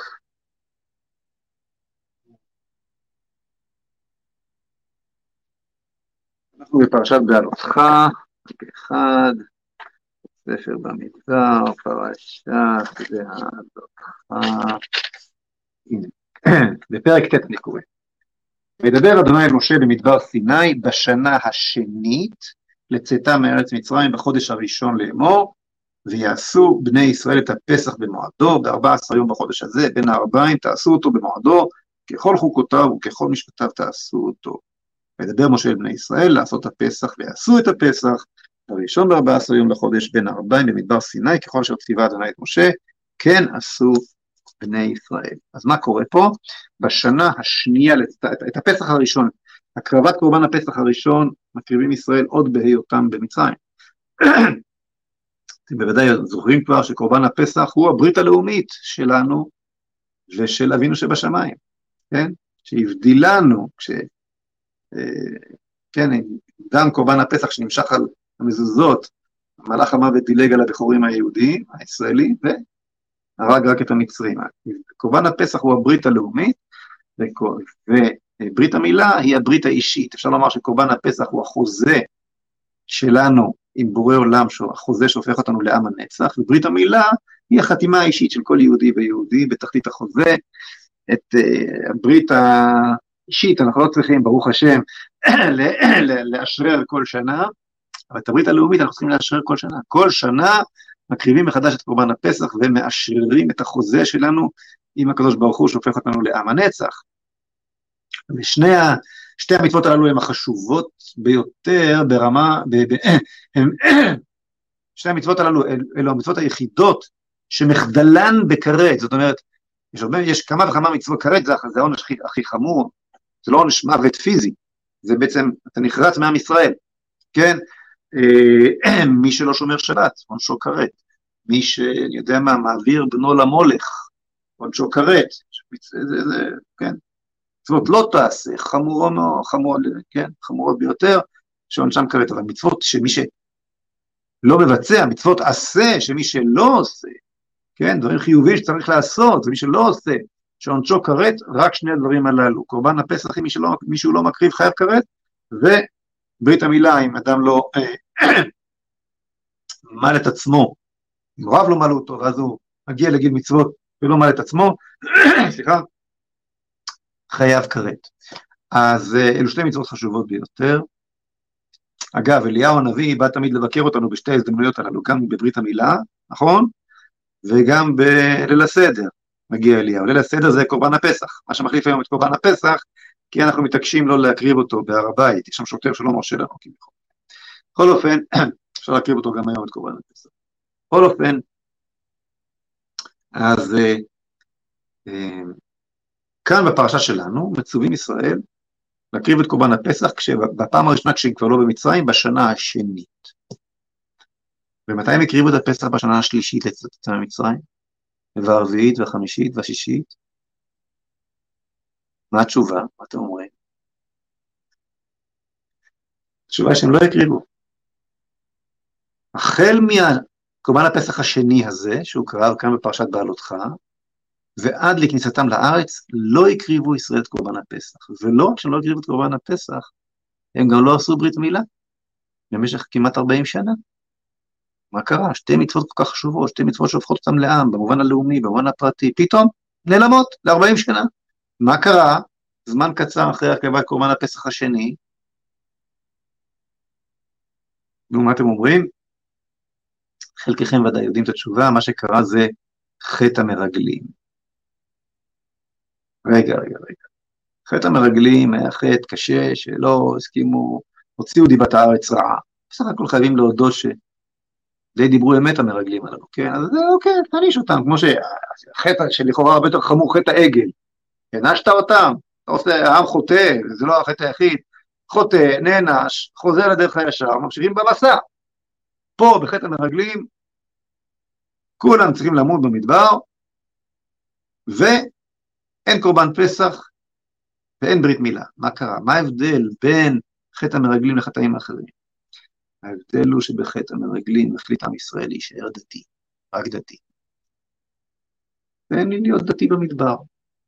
כל הייעוד הגדול שהוא תכלית כל המסע, של להיות לעם שכובש את הארץ ומתעסק עם ענייני נדל"ן וכל הבעיות שדיברנו עליהן כבר שעה וחצי, בדיור, בכלכלה, בביטחון, ודרך ההתנהלות שלו ושחרור הארץ מיושביה, כיבוש הארץ וכיבוש, ושחרור ירושלים ובניית בית המקדש וההתנהלות בתוך תרבות כזה כזו סביב הקדוש ברוך הוא ששוכן בלב ליבה של בירתך בארמונו בבית המקדש, להפיץ את בשורת קיום האל האחד, המונותאיזם, שהוא בלבד ימלוך על עולמו, כן, הבשורה הגדולה של עם ישראל, בשורת החירות מתוך זהות, לכלל האנושות, לא בא לי, אני רוצה להישאר במרחב הפרטי שלי במדבר, במרחב הדתי שלי, לא במרחב הלאומי שלי.